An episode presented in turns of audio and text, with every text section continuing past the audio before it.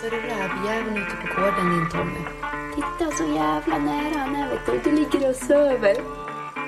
Ett stort tack till våra sponsorer JK Hunting och Hunter. Hunter har väldigt bra åtelkameror och det är just de vi använder här på Rovdjursjägarna Podcast. Det är ett stort hjälpmedel för att få en effektiv rovdjursjakt och hålla koll på vilka rovdjur du har på din mark. Jag vill passa på att tipsa. På JK Hunting finns det tungstensammunition. Det är lite billigare än Amox och det fungerar lika bra. Framförallt så finns det att få tag på. Eh, det var just den här ammunitionen jag sköt eh, Brasses första drevräv bara för några dagar sedan. Det var en på byn som eh, Eh, hade sett den här räven och eh, ungefär 40 minuter senare så släpper jag på Brasse. Det dröjer inte allt för länge innan han får koll på den här räven.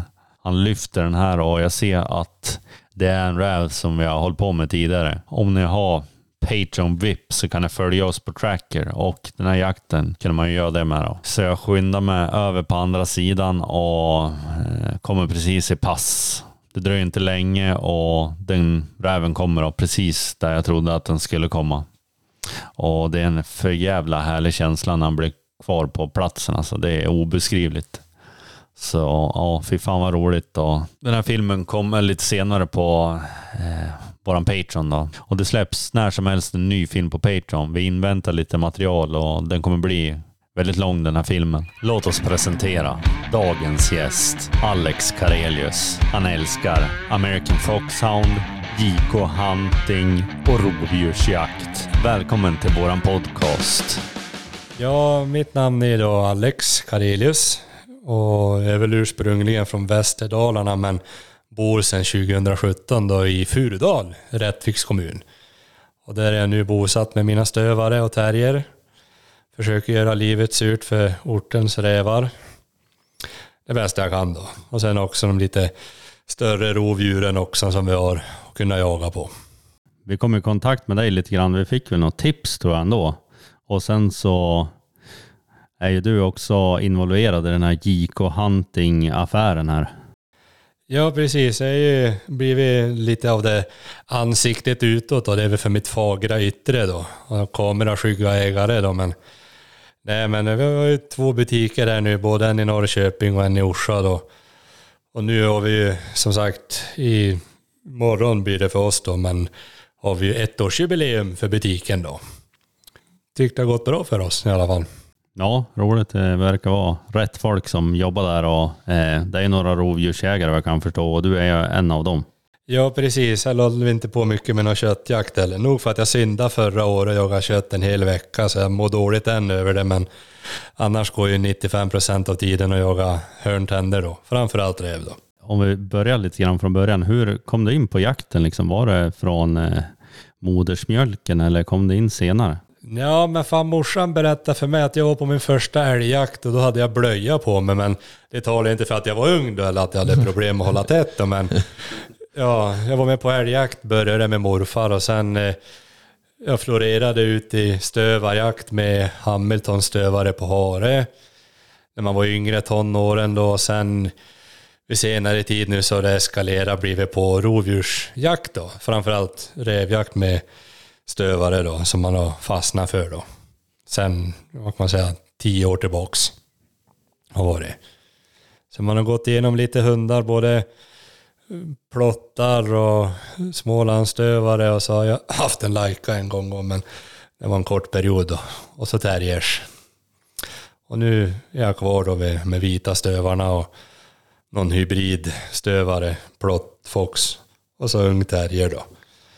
Så att det är det man försöker ge dem jakt så gott det går nu. Men du flyttade upp hit på grund av jakten då eller? Ja, många säger att det berodde på någon fruntimmer, men det var det inte. Det var bara för jakten då. Och jag har trivts ända sedan dess. Så bra folk, bra marker och ja, jag, jag trivs helt enkelt. Likasinnat folk träffar man på. Kan jag tänka mig om du jobbar lite grann också extra där i JK Hunting-affären där? Ja, precis. Det blir ju lite att väldigt många rovdjursjaktsintresserade kommer in och ska ha, då kan man ju prata ganska länge då om vad man ska ha för ammunition och sånt och det enda man kommer fram till är att man behöver mer ammunition för man är jävligt dålig att skjuta ser ut normalt när det kommer till rävjakt. Då. De är jävligt små de där brukar bli. Men när skaffade du din första riktiga hund, alltså stövare?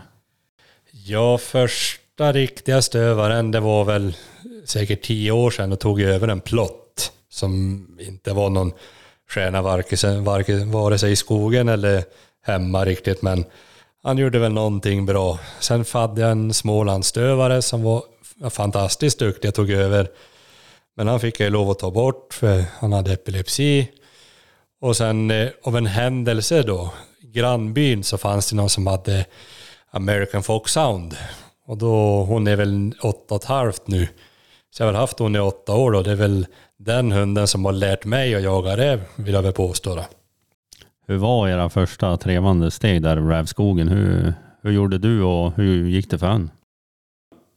Ja, men jag började ju liksom så här att ja, sitta i en vändplan, få ut sök på hund. Ines då som hon heter där och det var väl, hände väl knappt någonting och gick väl knappt av vändplan då men då, det är de första enda gången jag gått av vägen, jag är inte den person som vill gå så långt egentligen, därav kroppstypen då men man försöker, ja då gick jag faktiskt upp en rävmun. Där hon var, nu kommer jag inte ihåg, hon var strax över året tror jag. Och den gryta helt otroligt nog, utan att det ens var något riktigt drev men sen dess så, för henne så har det funkat. Ja, då, det är att det är räv som gäller för hon då. Var det, ja, det var lite knackligt i början men sen har jag kört mycket med, i och med att jag, sen jag flyttade hit också då så är det här med fler hundsläpp någonting som jag, eller två hundsläpp då om man säger då. Det har varit både på grund av att det är mycket varg och man vill ha en till hund med sig, man släpper två och två då. Så att det är så jag jagar in mina hundar, det är inte på det traditionella viset med en hund då, som jag kan också hålla med om att det är väldigt bra att bara ha en hund. Det behövs ingen mer. Men jag har ju samjagat mina hundar, man får både mycket för och nackdelar med att de kanske springer på skall eller kanske hittar på annat tok när de går två och två då, men det är det som jag tyckte fungerar för mig och jag har likasinnade kompisar som jagar på samma vis att det blir att man kan jaga i lag mer på ett, på ett roligare vis tycker jag då. Men det här med att jaga två, det vet jag också din eh, brother in arms lite grann, vad heter han, Friberg också har ju också jagat in sina Ja, precis. Han körde ju sina finstövare i lag sådär då. Och det är som att koppla upp två atombomber med varandra. Det blir en jävla fart på de där två. Och de är jävligt bra att jaga allt. Helst det de inte ska då. Men de är faktiskt bra då. Ja. Är de ju. Så att nej, det, ja, det jag, tyck, jag, jag lever för det och tycker att det funkar för mig. Men eh, det här med eh, terrier då, kom det in liksom ganska snabbt när du märkte att den här räven, han grytar ju? Ja, men det, jag skaffade ju terrier före jag hade stövare och då blev det faktiskt en tysk och jag var, det, var ju väldigt så förhoppningsfull om att det här kan ju bli bra. Nu vet man att man har någonting som jagar då. Och sen, eh, ja den tysken gjorde mig inte besviken de första ett och ett halvt, två åren, men sen när han var tysk så var han ju, tyvärr så gick det väl och slog över lite för han blev för hård då helt enkelt.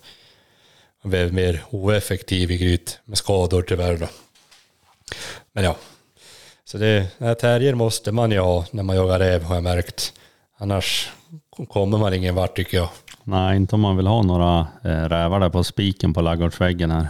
Ja, precis. Och sen eh, lärde ju sig min då stövartik när hon var unghund då att grytmarkera för att hon, ja, hon körde ju ner rävar i gryt men hon stod ju aldrig kvar. Men då var det bara jag som gick dit med tysken och släppte in han för han vägrade ju komma ut. Så hon fick ju bo på grytorna tills jag var klar. Det blev många timmar, det blev säkert i dagar innan det blev klart. Men då lärde hon sig att grytmarkera för hon visste till slut kommer det ut någonting här.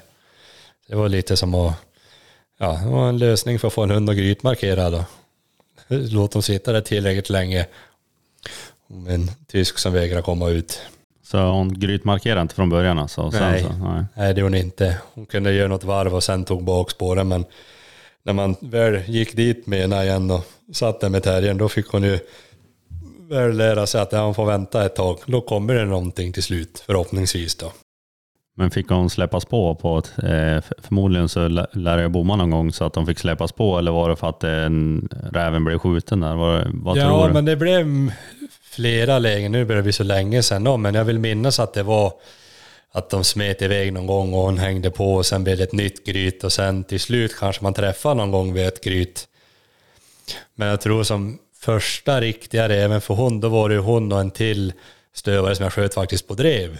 Och det var ju inte illa pinkat av att träffa mig för mig där då. Då, då träffade jag ju. Men sen hade jag ju som hennes första riktiga jakter där då allting skedde ju på en och samma dag. Då hade vi först, ja, ja jag hade, det var det första även jag spårade ner. Och som hon, som vi sen sprängde ut med terrier och då jag sköt bom. Och hon drev efter tre kilometer och kom tillbaks.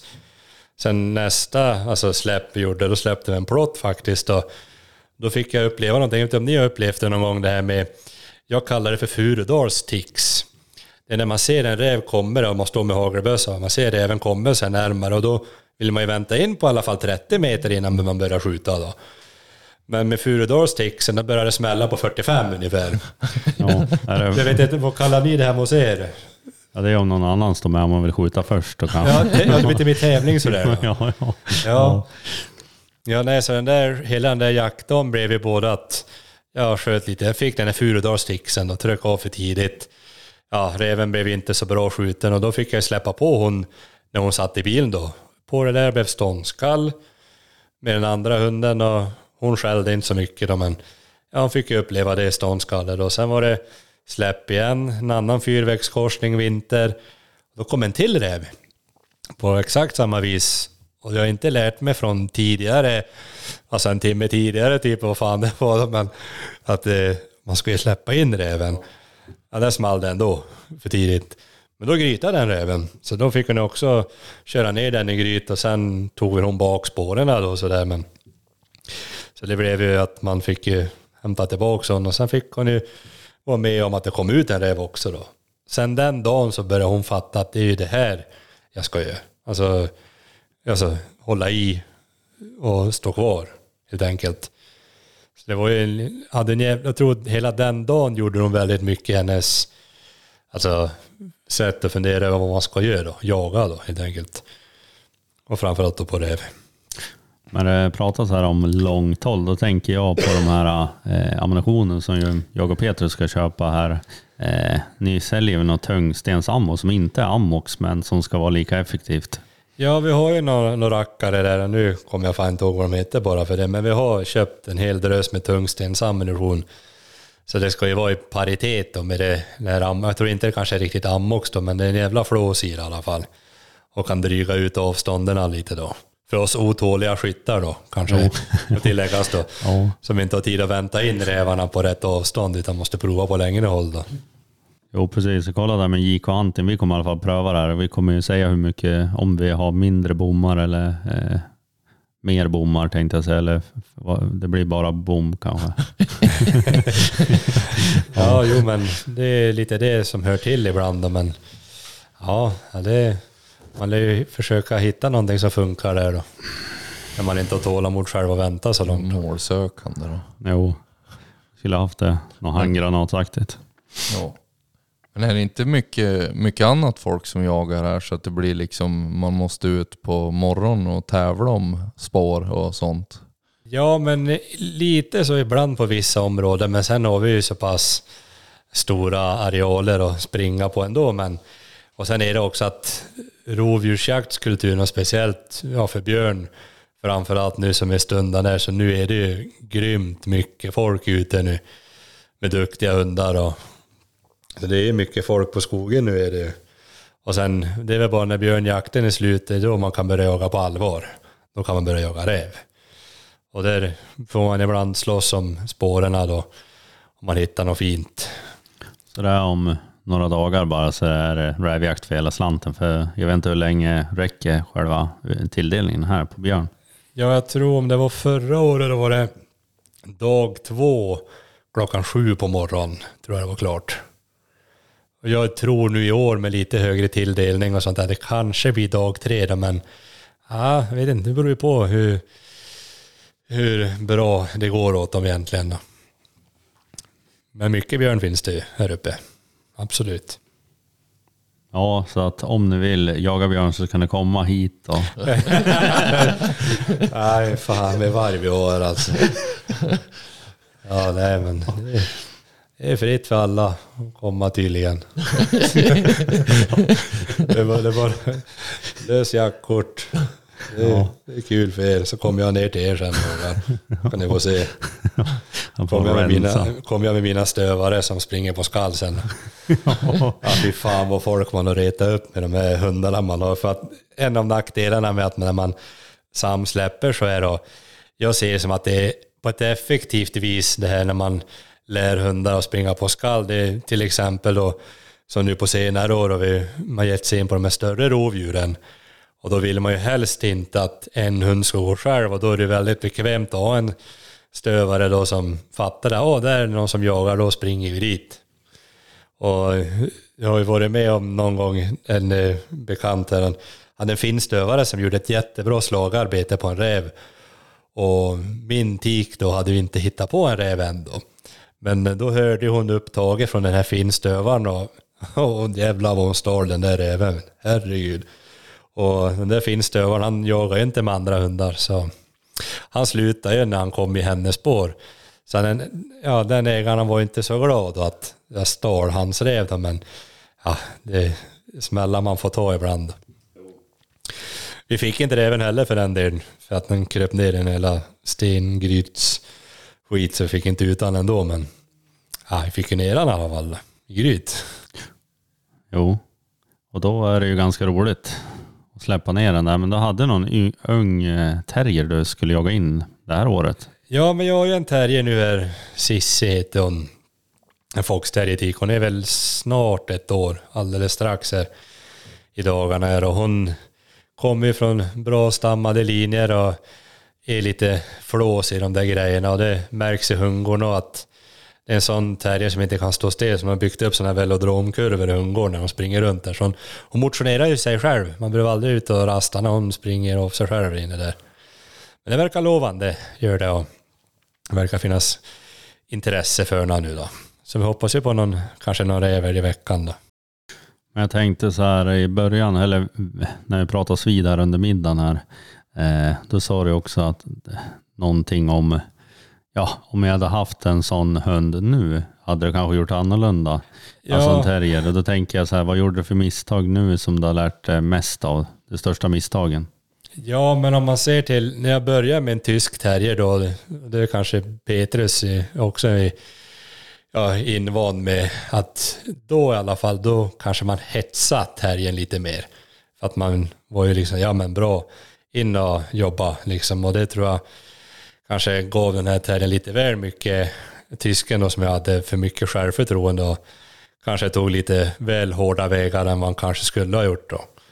Och sen tror jag många gånger det när man plockar ut terriern, om man nu gräver då, för han då att man kanske är där och ja, ja, antingen skjuter bom eller så kanske man skulle ha ja, kanske grävt sig ner lite mer och sen skjuter även istället för att släppa ner. För då när man har plockat upp terriern väl en gång och släpper ner, då blir det liksom, ja nu är det full attack. Liksom att de har ju, den där, han hade i alla fall väldigt dåligt anfallssätt. Och, om man säger att han, den där tysken, han gick in och fungerade nåldyna typ. De gångerna. Och det har man ju sett att jag behöver inte hetsa kanske så mycket nu då. Jag låter bara bli vad det blir liksom. Berömmer när de gör någonting bra då, men tror att man, om man håller lite lugnare ton då, det kanske har blivit med åldern, jag vet inte.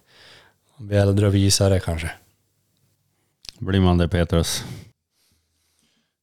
Jo, nej, men jag tror att du har helt rätt. Att mm, låter man bara hunden jobba så går det i slutändan bättre än om man ska stå och hetsa. Det kan jag ju hålla med om. Min upplevelse också. Framförallt så är det bättre för blodtrycket också. Ja, precis. Och visst, förr i tiden, eller, eller kanske jag lite nu om man frågar mina vänner då, men jag har ju tålamod som en femåring att händer ingenting inom fem minuter, då vill jag hämta ett spett ungefär. Men nu får man ju kanske besinna sig i alla fall första grytorna innan man kanske går emot sina egna principer då, men det är väl att man blir äldre och latare liksom och man vill att reven ska ju helst komma ut då.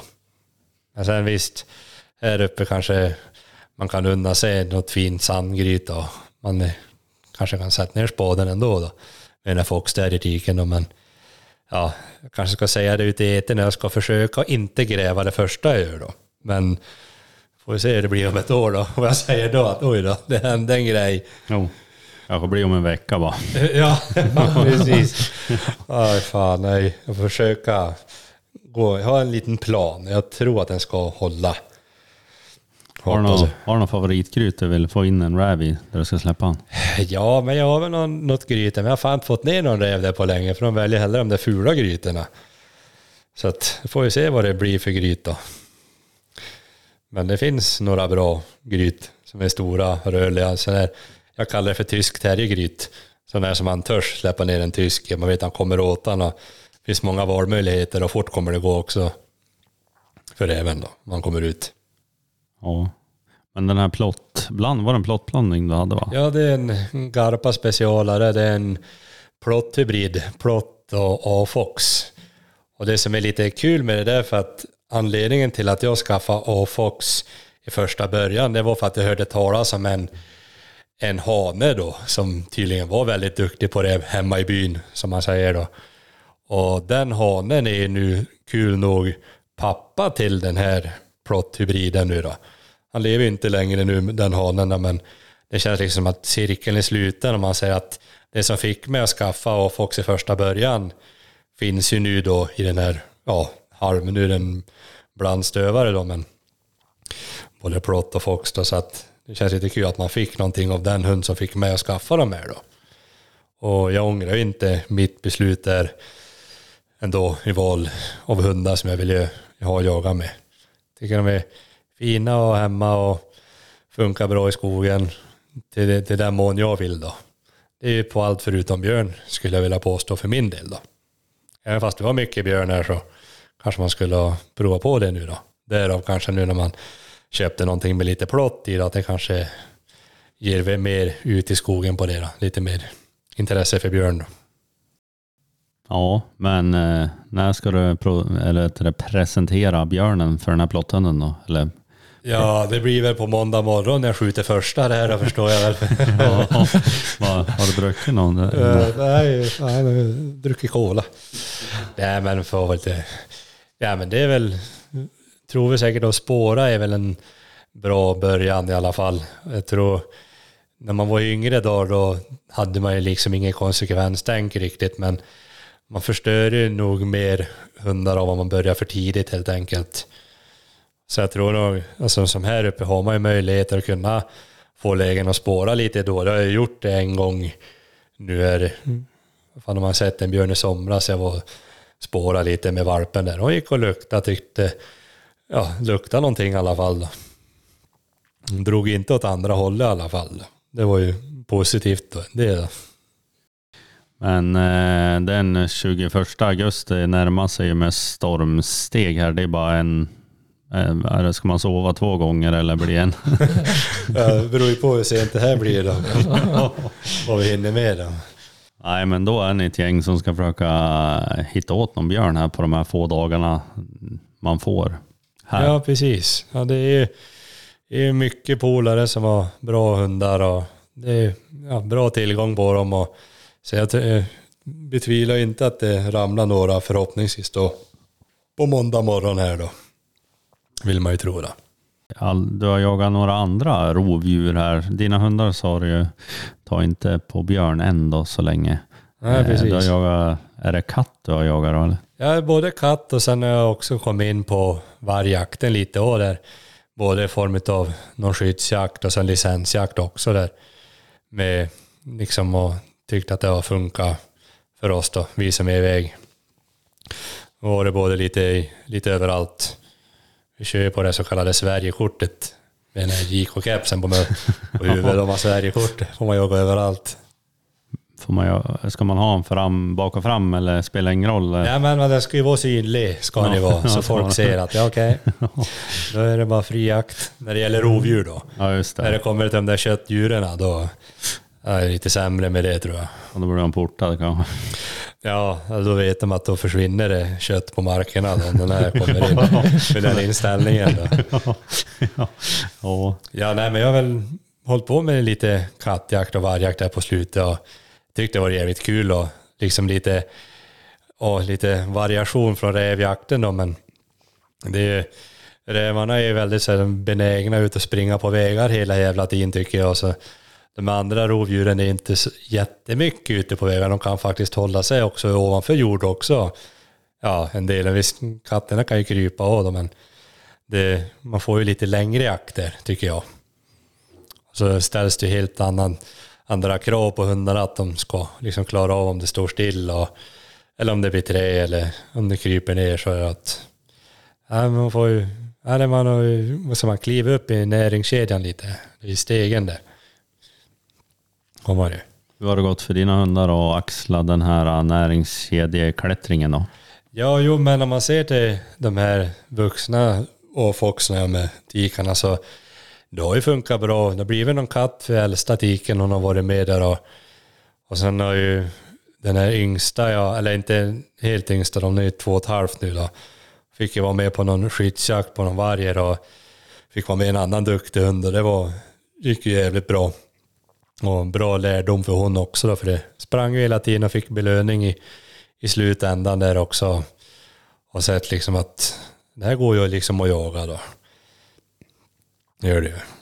Och sen har vi haft väldigt roliga kattjakter då för några år sedan och ja men det, ja, det tycker jag har gått bra. Fick till och med två stycken på en och samma dag. Det var inte illa pinkat av ett gäng dalmasar och en skötte eller. Nej. Det small där i åsen då. Ja, det kan man ju lugnt säga då.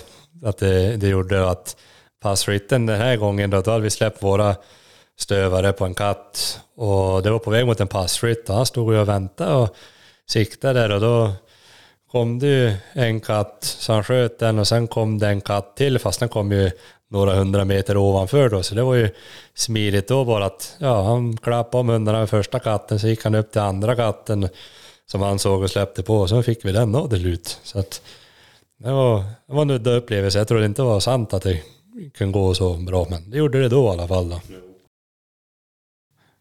Men eh, vad är framgångssagan då? Det är att man ska jaga väldigt mycket så blir man ju, då får man uppleva de här jakterna. eller? Ja, men jag lever ju den här tron att oavsett, tycker jag, det här kommer säkert klämma många på tårna och sånt där med att om man har som en rovdjurshund så det är väldigt svårt att hålla, om vi säger som plottar till exempel, att hålla dem bara till björn.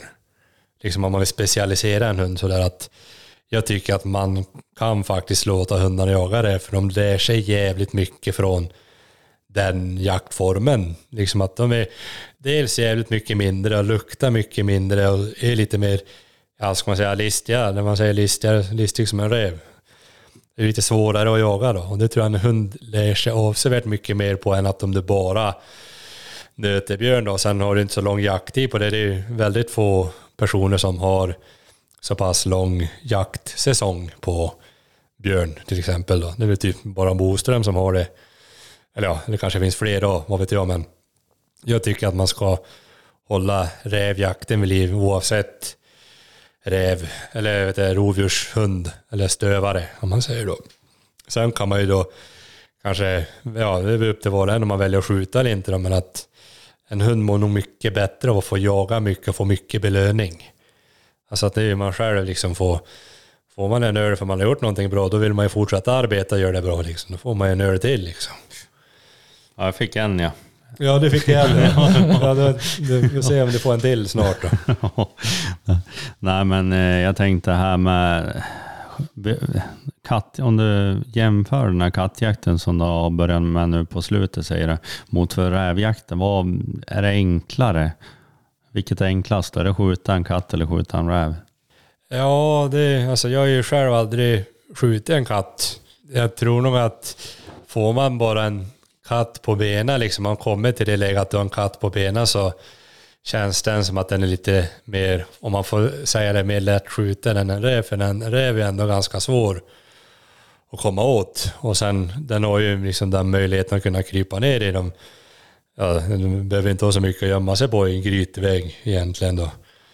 Och sen är de ju är de som sagt mycket mindre då. Sen visst det här, när det, en katt kan ju svara emot och vara lite hård på hundar och sånt där men ja, men det, jag tror att har du bara en hund som vill driva eller hänga på en katt så då tror jag den är mer, ska man säga, lättskjuten än en räv som det är så jävligt mycket mindre att skjuta efter. eller än vad en katt kan vara då. Det är min, ja vad jag tror då, eller tycker då men. De är ju lite, ja det är jävligt kul jakt i det faktiskt då. Man får ju, som sagt, kan få till lite längre jakter och liksom och ja, hundarna får verkligen bekänna färg då. Speciellt då när kattjakten är i slutet på säsongen när hundarna ska vara som i bäst form också då. Så, ja, då ställs de lite på sin spets då. För att höra det här avsnittet i sin helhet så finns det på Patreon. Tack till alla som stödjer oss där och det kommer massa nya filmer. Så hörs vi i nästa podd.